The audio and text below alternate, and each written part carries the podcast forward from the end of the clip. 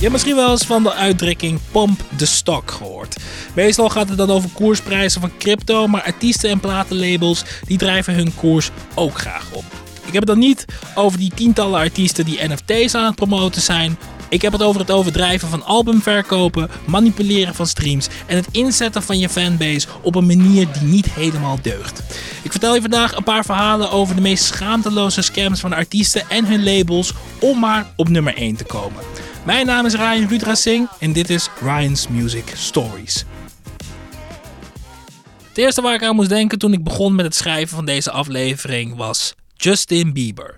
Een man wiens carrière regelmatig is gered door een Diplo, een Skrillex, een Kid Laroi, noem het maar op.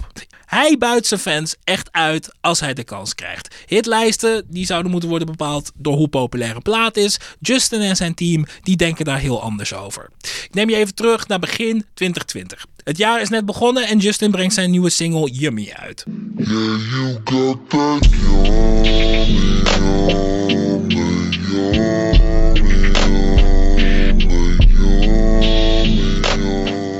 Het werd pijnlijk duidelijk dat Justin, zonder een producer die een duidelijk plan voor hem heeft, hij echt in staat is absolute baggermuziek te produceren.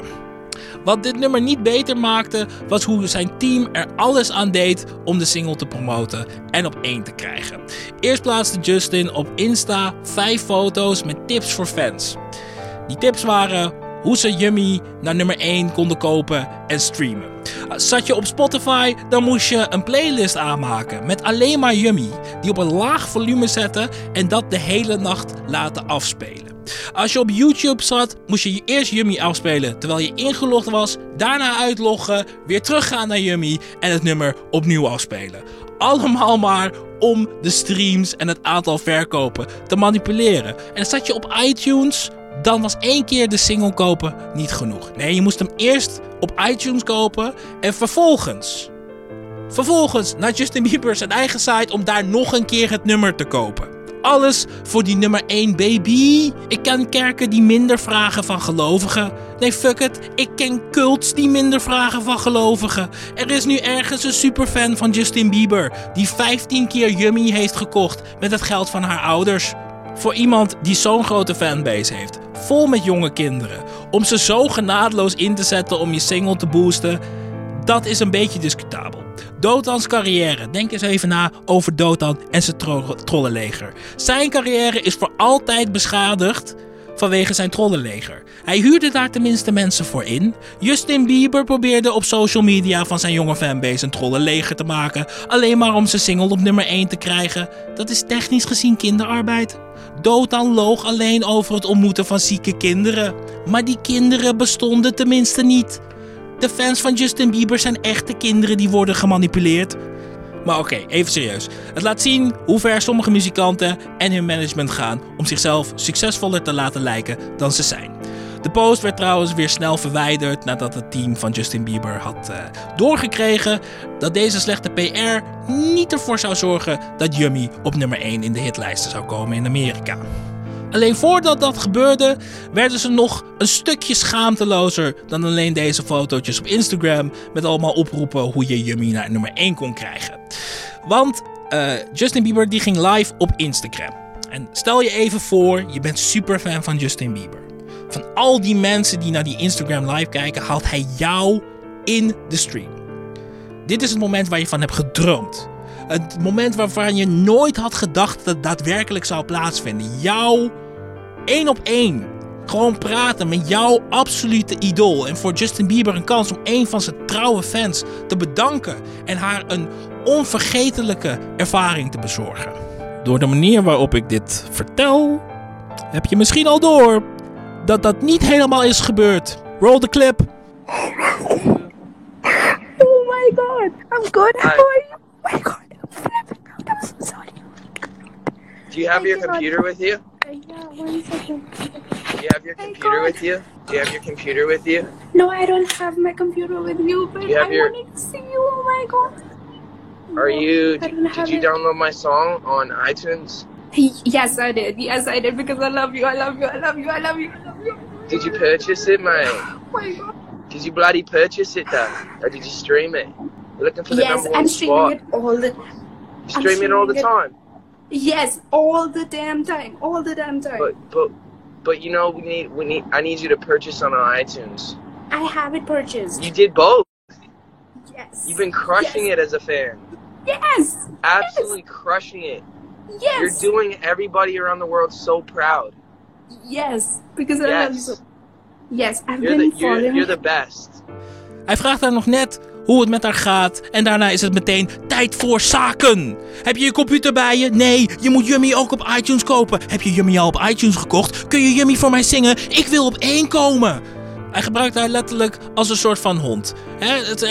Ze krijgt een snoepje, wat onoprechte complimenten dat ze er mooi uitziet. Nadat ze Yummy heeft gedownload, gezongen, gestreamd, aan de moeder heeft doorverkocht, weet ik het allemaal. Het is echt werkelijk waar te treurig voor woorden. Fans maken artiesten. En als dit meisje en al die andere fans van Justin Bieber er niet waren, dan was er helemaal geen Justin Bieber. Dan had die man nog op een boerderij in Canada gewoond. Maar nee, alles gaat om Justin Bieber. Het is treurig om te zien dat een moment wat voor dat meisje een moment is wat ze nooit zal vergeten. Een van de mooiste dingen die ze ooit zal meemaken waarschijnlijk. Zeker op deze jonge leeftijd. Dat dat moment volledig wordt overschaduwd door Justin Bieber die zo nodig Yummy op één moet krijgen. Zo, oké. Dat is even het heftige. De, dit nummer, Yummy, is heel raar. Ik ga er een bonusaflevering over maken. Dan ga ik wat dieper in op het nummer zelf. Wat voor enorme flop het was. En hoe slecht en ranzig dat nummer daadwerkelijk is. Dus daar komt in de komende week een bonusaflevering over. Want er is ook allemaal rare PR nog voor dit nummer. Zo werd er rond de release. eh, werden er allemaal foto's gepost op de Instagram-account van Justin Bieber. Van baby's. Ja, van baby's. eh, met hashtag Yummy. En eh, hij heeft het niet over Brinta of eh, oplosmelk. Hij heeft het over een bepaald deel van een vrouw. Dus waarom je daar een campagne bij bedenkt met foto's van baby's, geen idee. Maar fuck it, voordat ik hier te diep op inga, volgende week, ergens in de komende week, Yummy bonus aflevering op dit kanaal. We're gonna skate to one song, one song only. Ik kom toch weer uit bij Kanye West. Of Jay.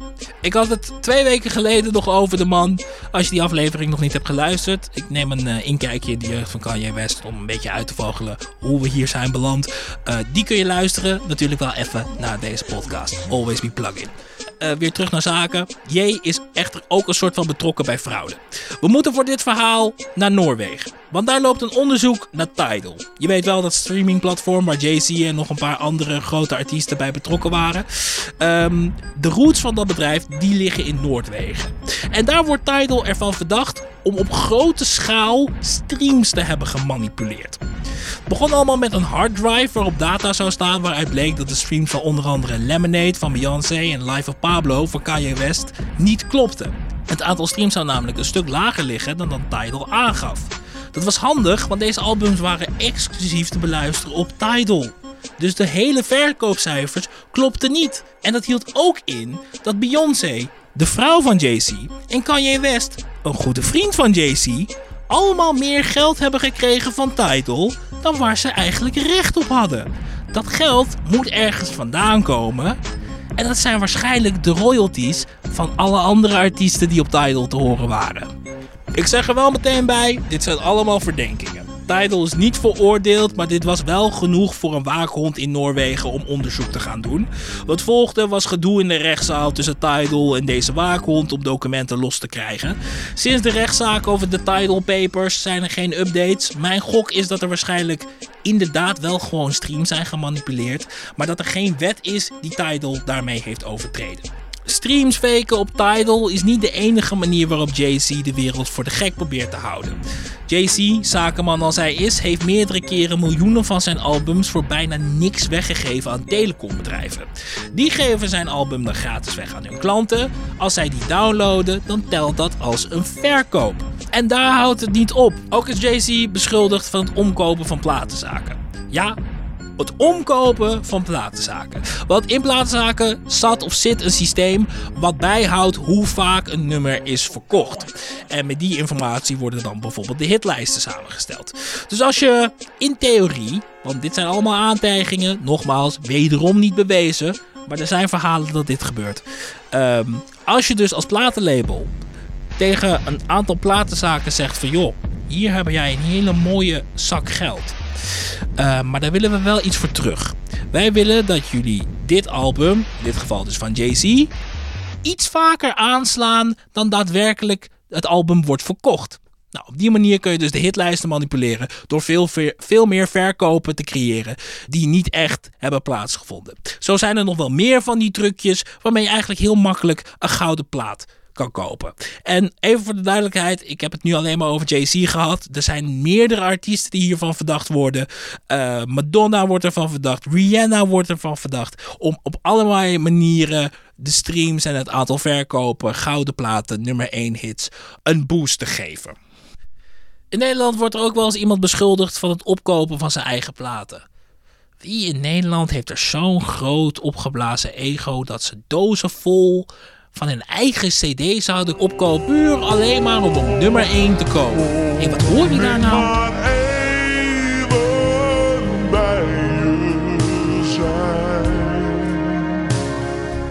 Gordon.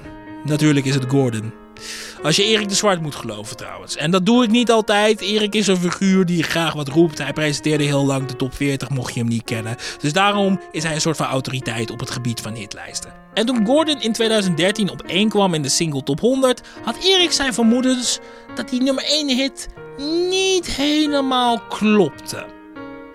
Ik ga Erik gewoon letterlijk citeren. Als hij met droge ogen verkondigt dat al die plaatjes van hem zijn gedownload door consumenten, dan moet hij een wel heel erg lange Pinocchio-neus krijgen. Zijn tranen van blijdschap zijn eerder tranen van de pijn in zijn portemonnee. En in plaats van Nederland te bedanken, denk ik dat hij vooral zichzelf dankbaar moet zijn. En zijn platenmaatschappij, die hem erbij heeft geholpen om al die platen op te kopen. Het is niet uh, van, uh, hey, Misschien klopt die nummer 1 hit van Gordon niet.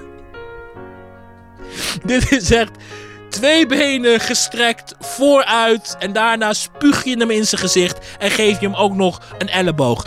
Erik de Zwart, doe even rustig. Ik bedoel, het is al 9 jaar oud, maar alsnog. ik hoop dat hij dit zelf ook terugleest en denkt dan, nou, dat was misschien een beetje overdreven. Zoals ik al zei, Erik die roept graag dingen, maar hij is ook Mr. Hitlijst. Dus uh, eh, neem dit verhaal zoals je het, uh, ja, zoals je het wil nemen. Misschien is het waar, misschien is het niet waar. Misschien roept Erik gewoon wat. Ik weet het in ieder geval niet. One, two, three, four. Weet wel dat dit het einde is van deze Ryan's Music Stories. Over alle gekke stunts die artiesten uithalen om nummer 1 status te krijgen. Um, ik kan je beloven, er komt minimaal nog één aflevering. Dat is echt een minimum. Over alle shady zaakjes van artiesten.